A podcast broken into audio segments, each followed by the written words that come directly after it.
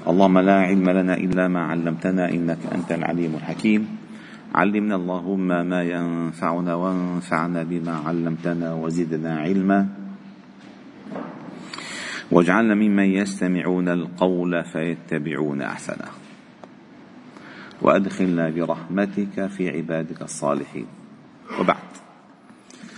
لا نزال معكم أيها الأحباب الأكارم في مجالس القرآن ضمن دروس قرآن الفجر وقد وصلنا إلى قوله تعالى في سورة آل عمران إن أول بيت وضع للناس للذي ببكة مباركا وهدى للعالمين فيه آيات بينات مقام إبراهيم ومن دخله كان آمنا ولله على الناس حج البيت من استطاع إليه سبيلا ومن كفر فإن الله غني.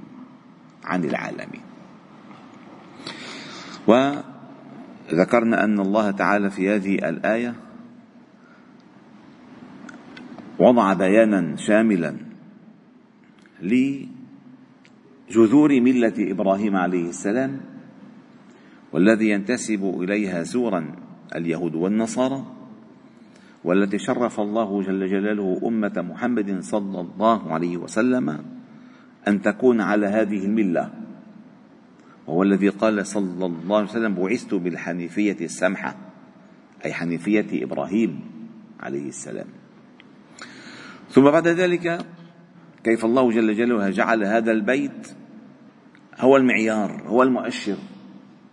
فكل من له علاقة بهذا البيت له علاقة بهذه الملة. وكل من ليس له علاقة بهذا البيت لا علاقة له بهذه الملة.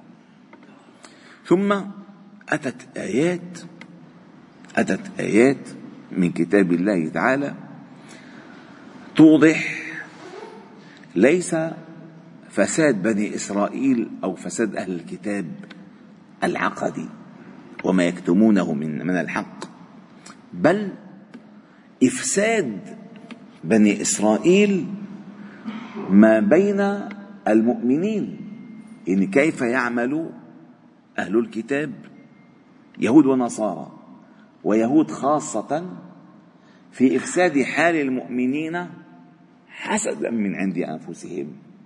من بعد ما تبين لهم الحق. فأتت هذه الآيات. سبحان الله القرآن كاشف كاشف الحقائق كاشف الخبايا كاشف الزوايا كاشف كل شيء. فقال الله تعالى فيها قل يا أهل الكتاب لم تكفرون بآيات الله؟ لم تكفرون بآيات الله؟ وأنتم شهداء وما الله بغافل عما تعملون. قل يا أهل الكتاب لم تصدون عن سبيل الله؟ من آمن به وتبغونها عوجا. لم تصدون عن سبيل الله؟ لم تصدون عن سبيل الله؟ وتبغونها عوجا وأنتم شهداء. وما الله بغافل عما تعملون. هذه الآيات لها قصة في نزولها. لها قصة في نزولها. ذكر الإمام ابن جرير الطبري رحمه الله تعالى وهو شيخ المفسرين وكتابه أجل كتاب في التفسير. كتاب ابن جرير الطبري هو أجل كتاب في التفسير والإمام ابن جرير الطبري هو شيخ المفسرين وشيخ المؤرخين. فكتب أعظم كتاب في التفسير وكتب أعظم كتاب في التاريخ. وما ذكره ابن جرير الطبري كعادته يعني في تفسيره وفي تاريخه أنه يذكر كل ما قيل كل ما قيل مع مع ذكر إسناد ما ذكره مما قيل وما على الباحث إلا أن يتابع الإسناد ويحقق في صحة هذا السند على ضوء هذا الإسناد. فالإسناد هو الذي يقرر صحة السند صحة النص التي أتانا من هذا السند.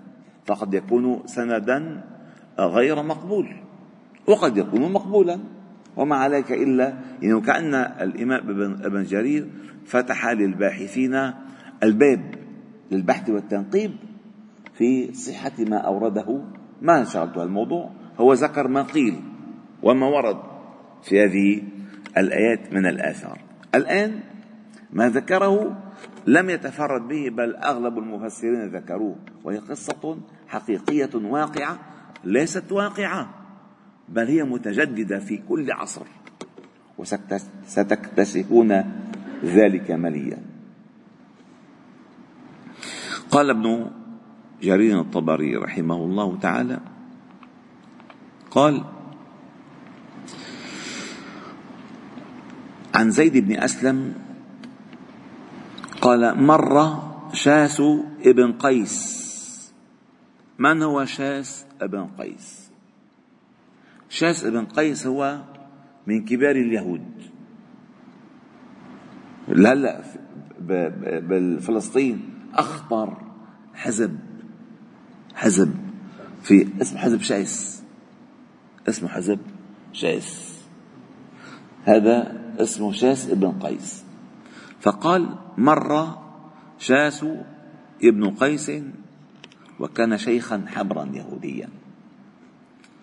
وعظيم الكفر وشديد الضغن على المسلمين. فقال مر على نفر من الصحابة من الأوس والخزرج. تعرفوا الأوس والخزرج؟ كان بينهما بين ما بينهما من القتال والاقتتال. فمر عليهم في مجلس قد جامعهم يتحدثون فيه. فغاضه ما رأى من جماعتهم وألفتهم وصلاح ذات بينهم على الإسلام بعد الذي كان بينهم من العداوة في الجاهلية. فقال قد اجتمع ملأ بني قيلة بهذه البلاد. يعني العرب بني قيلة العرب. والله ما لنا معهم إذا اجتمع ملأهم بها من قرار. أي ما لنا من قرار إذا اجتمع هؤلاء. فشو الحل؟ التفريق بيناتهم. الحل بالتفريق بيناتهم. شوفوا شو عمل ابن قيس شيس ابن قيس وشوفوا لهلأ ترددات فعله في كل جوانب الحياة. فقال قد اجتمع ملأ بني قيلة في بهذه البلاد والله ما لنا معهم من قرار إذا اجتمع ملأهم بها. فأمر شابا من اليهود. كان معه. فقال له اعمد إليهم. فاجلس بينهم. اقعد معي اقعد معي وتبادل معهم الأحاديث. هي نكتة من هون هي قصة من هون هي قصيدة من هون هي فيلم من هون. تبادل معهم الأحاديث فوت فوت بيناتهم. فوت بيناتهم. وأكيد دفع له مصاري. فأمر شابا من اليهود كان معه فقال له اعمد إليهم فاجلس معهم حتى إذا مدى الحديث مدى الحديث ذكرهم بيوم بعاث المعركة التي حصلت فيما بينهم وبين الأوس والخزرج. كيف تذكرهم؟ بأن تذكر أبيات شعر. اذكر أبيات الشعر كانوا, يتناولونها عندما كانوا يقتتلون حتى يحمسون بعضهم البعض على بعضهم البعض. روح اذكر لهم أبيات شعر إنه كذا مشان تحرك فيهم ما دفنه الإسلام. ما دفنه الإسلام. وذكرهم بيوم البعاث وما كان قبله وأنشدهم بعض ما كانوا يتقولونه فيه من الأشعار. وكان يوم بعاث يوما اقتتلت فيه الأوس والخزرج وكان الظفر فيه للأوس على الخزرج. ورد أن أمنا عائشة رضي الله تعالى عنها قالت يوم بعاث يوم أهداه الله لنبيه صلى الله عليه وسلم. ليش؟ لأن اقتتال اللي قتلوا فيه ذهب كبار كفارهم وكبار جبابرتهم. ماتوا في هذا الحرب. يعني لو وسلم وصل على المدينة وكان الكبار من من الأفولة يعني في عقول أفولة موجودين كان وضعه صعب. فوصل وكانوا أنهكوا وذهب كبارهم من الكفار الجاهليين فقالت يوم بعاث يوم أهداه الله لنبيه صلى الله عليه وسلم. ف فتكلم ففعل فتكلم القوم عند ذلك وتبادلوا أبيات الشعر وتنازعوا وتفاخروا حتى تواثب رجلين حتى تواثب رجلان من الحيين على الركب. أوس ابن قيضي من الأوس وجبار بن صخر من الخزرج. فإذا قام واحد من هون وقام واحد من هون وبلش يرندح. هذا يردح له من هون وهذا يردح له من هون. هذا يجيب المشي من هون وهذا يجيب الصرمية من هون. وبلشوا ببعض بلشوا ببعض تقاولا ثم قال أحدهما لصاحبه بعدما احتدم النقاش إن شئتم والله رددناها الآن جزعة جزعة. إن هلا طلعناها كأن لم كأن لم تمت. أحييناها بيننا الآن. إن شئتم والله رددناها الآن جزعة. فغضب الفريقان وقالوا قد فعلنا. السلاح السلاح. موعدكم الظاهرة إن الظهر في الحربة راحوا خلاص. يعني عزموا العقد على القتال وكل واحد راح على الحي تبعه مشان يجيب سلاح قالوا السلاح السلاح موعدكم الظاهرة الظهر عند الحرة. فخرجوا إليها وبدأ تحدث الناس بما حصل فانضمت الأوس بعضها, بعضها إلى بعض والخزرج بعضها إلى بعض على دعواهم التي كانت عليها في الجاهلية فبلغ ذلك رسول الله صلى الله عليه وسلم فخرج إليهم. في من معه من المهاجرين من أصحابه حتى جاءهم فقال لهم يا معشر المسلمين الله الله أي اتقوا الله اتقوا الله. الله الله.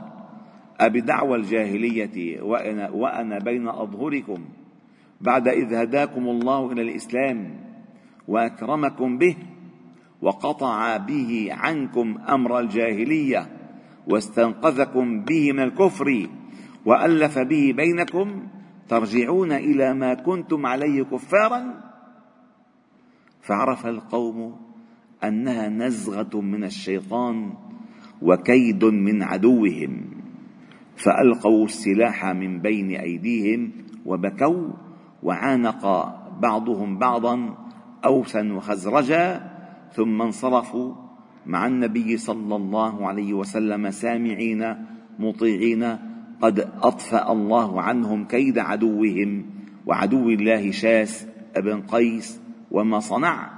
فأنزل الله جل جلاله في شاس بن قيس وما صنع. قل يا أهل الكتاب لم تكفرون بآيات الله؟ بعدين. لم تكفرون بآيات الله؟ والله شهيد على ما تعملون. قل يا أهل الكتاب لم تصدون عن الخطاب لليهود. لم تصدون عن سبيل الله من آمن به؟ تبغونها عوجا؟ و وأنتم شهداء وما الله بغافل عما تعملون.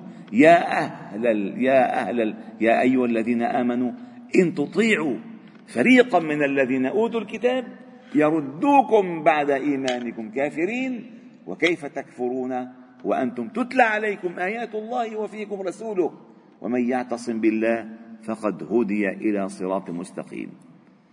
إلى آخر الآيات من سورة من هذه الصفحة إلى قوله تعالى وأولئك لهم عذاب عظيم يوم تبيض وجوه وتسود وجوه. هي أي يا أيها آمنوا لا تكونوا كالذين كفروا واختلفوا من بعد ما البينات إلى آخره. ثم قال ف فما كان يوم أقبح أولا وأحسن آخرا من ذلك اليوم. فأول يوم كان أقبح يوم وآخر يوم كان أحسن يوم. فشوفوا الآيات كيف تأتي كاشفة للحقائق ومخرجة لخبايا النفوس. وإلى الآن إلى الآن كلما اجتمع مسلمون أغاض غيرهم فسعى غيرهم للتفريق فيما بينهم وبدأوا بالفتن وبدأوا بالبث والإشاعات والإعلام و و حتى يضمنوا أن هؤلاء لن يجتمعوا. فرق تسد. وفرعون ماذا قال؟ الله تعالى قال قال عنه إن فرعون علا في الأرض وجعل أهلها شيعا. لأن إذا ما فرقهم لا يسد عليهم. فلذلك ما أجمل هذه الآية في سورة آل عمران وتكشف الحقائق في دس وكيد ومكر وحسد اليهود من أهل الكتاب على المسلمين ومن معهم. والحمد لله رب العالمين. سبحانه وبحمدك نشهد أن لا إله إلا أنت نستغفرك إليك صل وسلم وبارك على محمد وعلى آله وأصحابه أجمعين. والحمد لله رب العالمين.